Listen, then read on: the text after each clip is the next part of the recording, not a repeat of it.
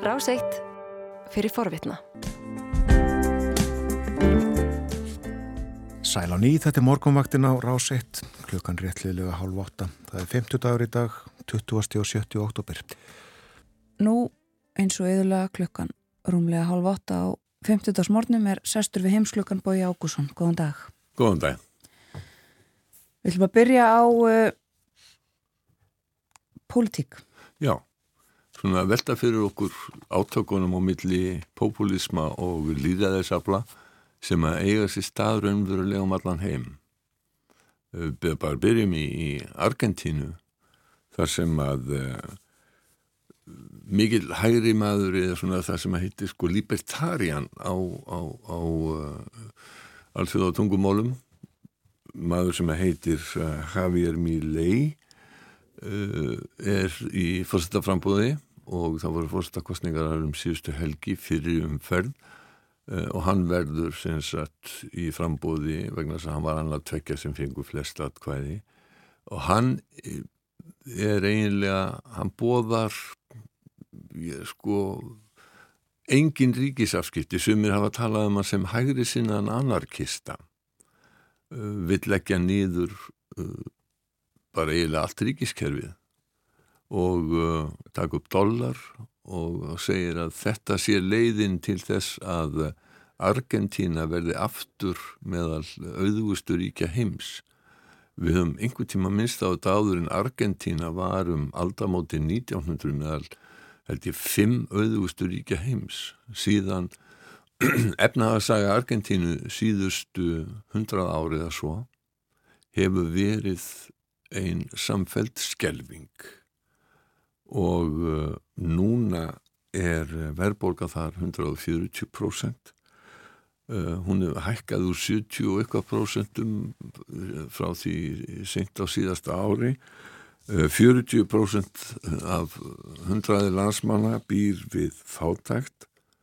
Miðstjettin sem að eldis nú mjög um miðja síðustu öld hún er nánast að það þurkast út uh, og uh, það er þetta er algjörlega skelverið ástand Og lausnin sanga þessum náunga er að taka upp bandrækjartal og afleggja ofnbæra helbiðskerfið, mentakerfið og já. allt, allt annað. Já, já, já, já minka mjög og bara og, og henda á svona hlutum eins og stuðningir í gísins fyrir menningu og annað það bara Hætta því. Hæ, hæ, hætta alls konar svona hlutum. Þetta er eiginlega getum við sagt populistu döðans um, og sko skoðanakannanir sem að ber að taka fram að eru ekki mjög áræðilegar í Argentínu. Það hefðu spáð honum langmestu fylgi.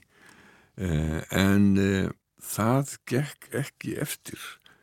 Uh, hann fekk eitthvað um 30% en Sergio Massa sem er efnahagsráð þeirra landsins fekk talsveit meira 36% uh, og manni finnst nú dálítið undarlegt að efnahagsráð þeirra í landi þar sem efnahagurinn er gessamlega rúst skuli vera efstur uh, meðal þeirra sem að buðu sér fram í fórsetæðinbætti Já, það er raunin þannig, já Já, það er raunin þarna og meina, það mór svo sem leiða líkur af því að þó hann hefur verið ennbætti eitthvað svona tíu mánuðið ári eitthvað svo leiðis og á hans tíma þá hefur verðbókan stóruðkist uh, og efnahagurinn, efnahagslífið vestnað enn mm. en einhvað síður að þá virðist vera sem svo að það hafi slegið einhverjum óhug í kjósendur í Argentínu og það verður svo sem að segja eins og er að, að stjórnvöld þessi massa er sko peronisti peronistaflokkurinn hefur meir og minna farið með völd þarna frá því já meðan að herfóringarstjórnir hafa ekki tekið völdinn og þá hafa þeir verið frá, svona, frá því kringum 1950 Juan Perón offusti sem að rændi völdum og, og, þá býði síðan þessa gríðarlega miklu seyfingu sem að er með sitt helgiták sem er Eva Perón sem að fólk væntanlega þekkir úr söngleiknum með vita mm -hmm. og uh, uh, þannig að peronismin á gríðarlega ítök í allþýðu Argentínu og er einna sterkastur í Bónus Æris í, í höfuborginni það virðist vera sem að þessi stjórn sem að núna ríkir uh, hún, hún, hún sko greip til ímissa ráðstafana uh, jók niðugreislur og þannig séð sko ekst kostnaður ríkisins og, og, og argentíska ríki hefur gefn á neinu en þannig að annarkvort eh, sko hefðbuna aðferðin uh, sagði í, í, hérna, í podcasti frá Economist sem var hlust á í gær er svo í Argentínu að þegar peronistar eru við völd að þá er Sælabankan skipað að brenta peninga. Og þegar hægri menn eru við völd að þá taka er lán í útlöndum. Og hvort ekki er alveg gerðsamlega vonlöst mm. þannig að eh, sko PSO-in sem er gældmiðl þannig að hann er nánast verðlös þetta er skelvilt ástand í landi sem er hefur alla burði til þess að verða auðugt. Já, Já.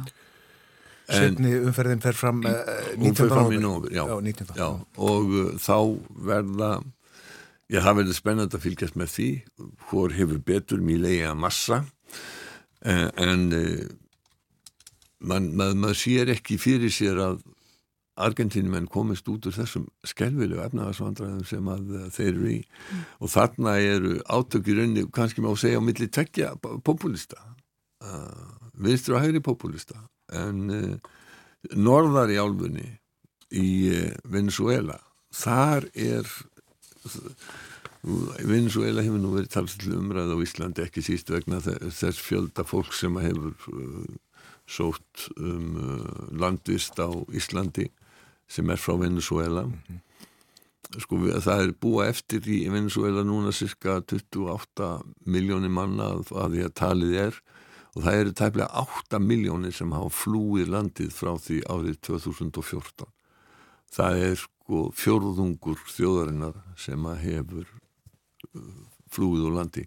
Langflestir 85% eru í uh, grannlöndunum í Rómansku Ameríku, Suður Ameríku Mið-Ameríku og í þjóðum á, uh, Karibahafinu en allmargir hafa leitað til bandaríkjana sömulegis og svo eins og við þekkjum uh, hafa einhver par þúsund komið til Íslands. Og um, í síðustu viku að þá um, eða þar síðustu viku og þá gerði stjórnar anstaðan uh, og uh, ríkistjórn uh, Maduros samkómulag um það að það er því eftir kostninga og líðræði er því svona virkt, það hefur ekki verið það. En uh, þegar um, um síðustu helgi að stjórnar anstæðan alltaf efna til forkostninga til þess að velja fórsetaframbjóðanda í kostningum á næsta ári þá getum við sagt að, stjórn, að raufstjórnin eiginlega allt, hún gerði allt sem hún gati til þess að koma í vekk fyrir þess að forkostningar gætu farið fram. Það fjölmiðlum var bannað að fjalla um þær. Uh, net, netið hjá uh, vefsíður stjórnar anstæðinga voru teknað niður. Það var ekki hægt að koma staði hvar ætti að kjósa, það þeim var bannað að kjósa í og svona ofnbjörnum byggingum, skólum og annar stað það sem að víðast er kosið þegar að kostninga fara fram. Mm.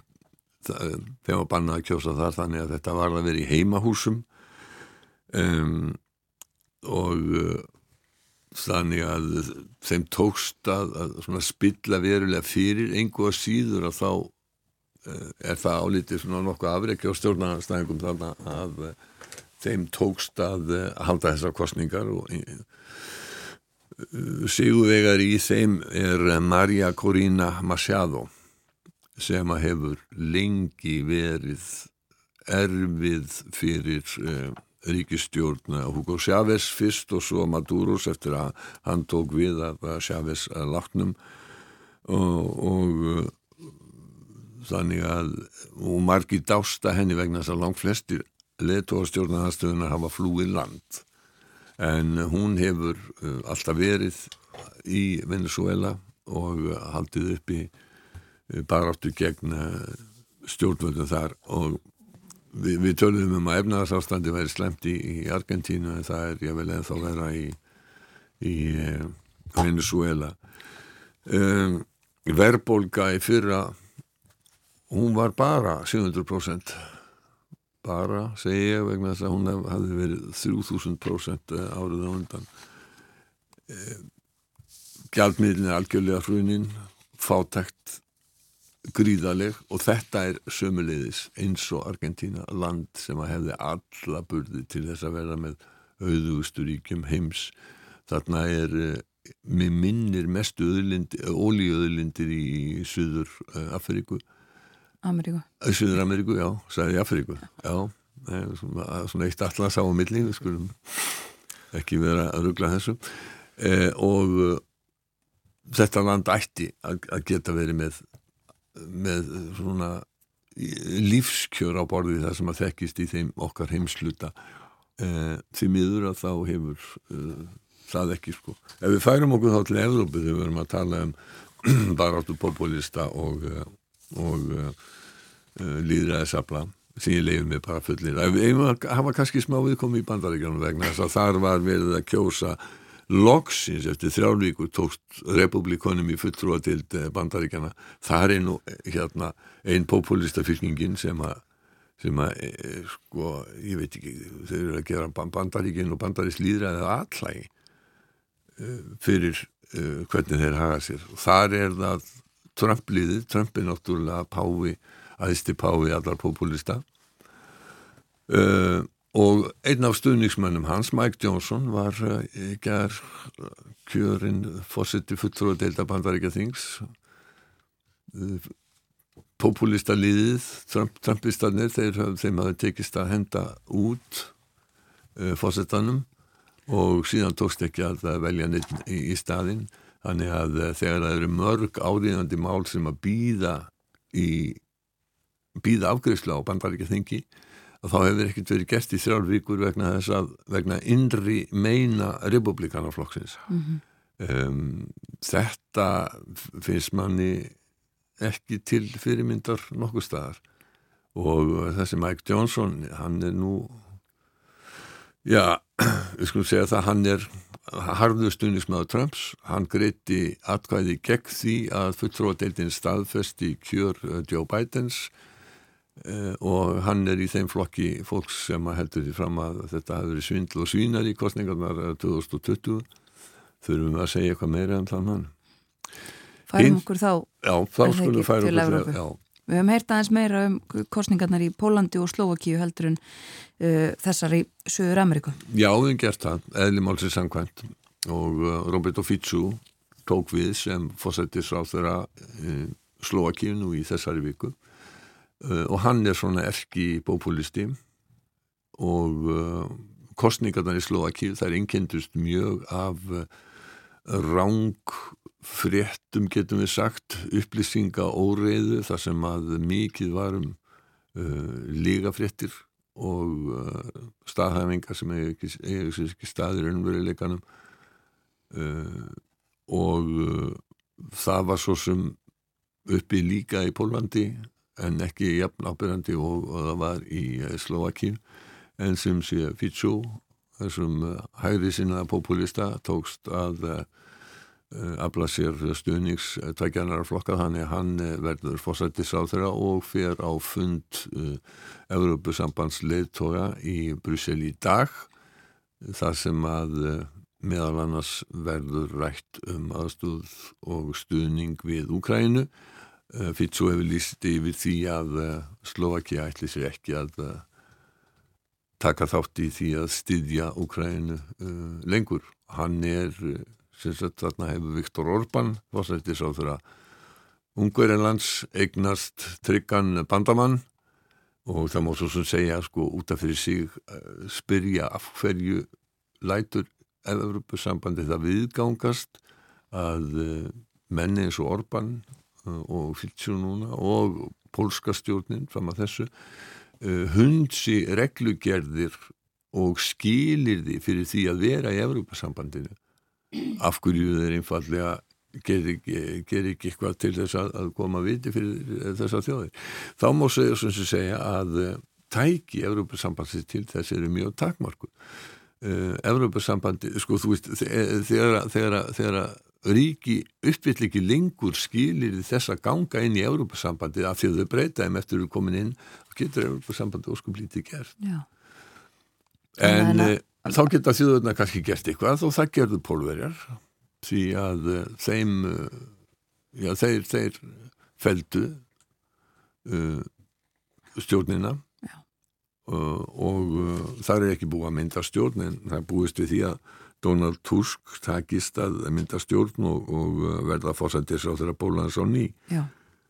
og snúi við þá vonandi, það verður kannski ekki sérstaklega auðvelt, snúi við ymsum breytingum sem að gamla stjórnin var búin að gera á svona kerfinu í Pólandi, dómskerfinu og fjölmiðlum Já. pólska ríkisjónvarpið og pólsku ríkisfjölmiðlanir hafði ekki verið, voru orðnir ekkert annað heldur en málpípa ríkistjórnarinnar og uh, það þarf bara að reynsa út mjög rækilega og úr dómskerfinu sömulegis þeir byggu til einhvern aðsta stjórnlega dómstól sem er skipaður einungis stuðningsmönnum stjórnaflokksins fyrirverandi og þetta það þarf ekki endilega að vera auðvelt að losna við þetta. Og svo verður að geta þessa Andrei Duda fósiti getur beitt neitunarvaldi ákveðinu leiti Já, og hann er eh, stuðningsmaður eða tengdur lögum rétt að því, já. Já, hann, hann var bara, hann er flokksmaður það Já. sko en, s- já, Já, við, við höfum nokkra mínútur, við gætum auðvitað að tala um, um, um fleira fólk, fleira leðtúa í eh, Evrópu. Já,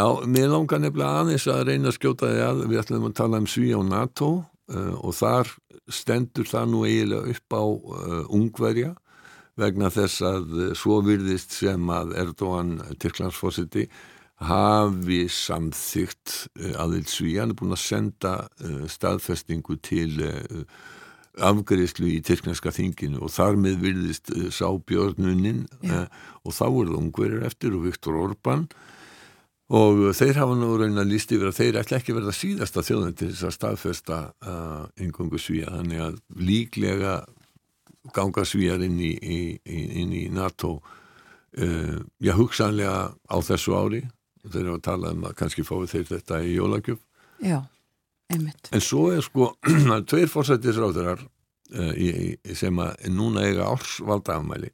Það er Rissi Sunak í Breitlandi sem að stendur mjög illa. Og í gær að þá samþykti þingið neðri, málstofa breska þingsins að uh, Peter Bone uh, yrði sparkað út úr þinginu í einhverjar vikur fyrir brot á síðareglum þingsins.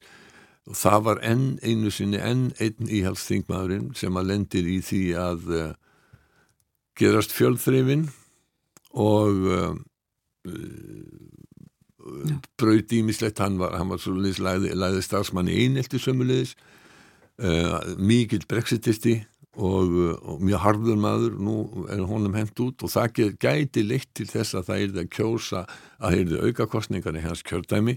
Þá er það tíundu aukakostningarnar á valdatíma Rísi Súnaks Já, og íhaldsflokkunni við tapað nánast öllum þeirra uh, en uh, og þannig að það er ekki, ekki, ekki mjög góðu tíðindi.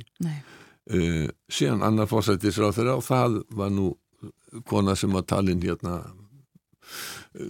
framalegi flokki populista Giorgia Meloni fórsættisráð þeirra í Ítalju og menn óttuðust mjög hvað er þeim utanrikið stefnuna þegar hún væri tekin við. Og hún hefur hins vegar ekki reynst populísk í utanrikismálum vegna það var óttast að hún myndi fjandskapast út í Evrópusambandi og NATO og vingast við rússa. Það hefur ekki gerst Hún eh, hefur náð mjög góðu sambandi við eh, Joe Biden til dæmis. Og hún hefur stutt uh, Úkrænu einarlega og ekki verið til vandræða innan uh, Evrópasambandsins eins og óttast var. Þannig að uh, Stern, þíska vikuriti, hafi lísti yfir að hún væri hættulegasta kona í Evrópu. Economist segir hins vegar að það sé önnur kona sem er miklu hættulegri og það er Marine Le Pen. uh, sem að fyrir að öllum líkindum í fórsetaframbóð í Fraklandi þegar það kostningar verða þar eftir, eftir nokkur ár. Já, Um. hættulegri eh, þessum Evrópustofnunum og, og allanþársbandaleginu líka. Já, Já. hún er það sko. Ég var að sjá viðtal við mann sem heitir Francesco Battistini og er blaðamaður á, á Corriere della Sera sem er nátt stærsta og virtasta dagblað Ítalíu. Hann sagði viðtal við sænska sjónvarpi í gæri að, að að Meloni hefði á hún og tók völd verið mjög gaggríninn á ESB uh, en hún hefði tekið allt aðra afstöðu sem fórsettir sá þeirra og hún hefði líka, það var hann sem að sagði að hún hefði náð góðu sambandi við Joe Biden. Og hún hefur farið að ráðum bandarækjamanna sem að ráðlögðu ítalsku stjórninu mjög eindrið og lögðu hartaðinni að leifa kynverjum ekki að fjórfesta í höfnum. Það, það, það stóð til að kynverjar kemur með sko 100 miljardar fjárfestingar í höfnum í Trieste, Fenium og Genua þetta er svona partur af því sem að kynverjar hafa verið að gera á undanfjöldum árum að fjárfesta í ýmsum ríkjum, í innviðum ímissa ríkja. Og þetta hefur reynst mörgum ríkjum sérstaklega í Asi og Afríku mjög hættulegt. Vegna þess að kynverðinni rána fyrir þessu og svo uh, geta ríkin ekki borgað og þá er, er, er allt í voða Já. en sem sagt Meloni hún, hún uh, hætti við þetta og uh, Laura Carpanetto sem er professor í stjórnmálufræði við háskólanni í Genua hún sagði að Ítali hefðu látið glepjast að fagurgala kynverja uh, en og Evropasambandi hefði frekar átt að koma að þessu en sem sagt Meloni hún hefur ákveðið það að, að, að rifta þessu sam, þessari samvinnu við, við kynverðina. Við komumst ekki mikið lengra. Takk fyrir í dag, Bói Ágússon. Takk sem leiðis. Þú varst að hlusta á hlaðvarpsþátt frá Rás 1. Ef þið langar til að heyra meira, farðu þá á rúf.is skástrygg hlaðvarp eða spilaran á rúf.is skástrygg útvarp. Rás 1 fyrir forvitna.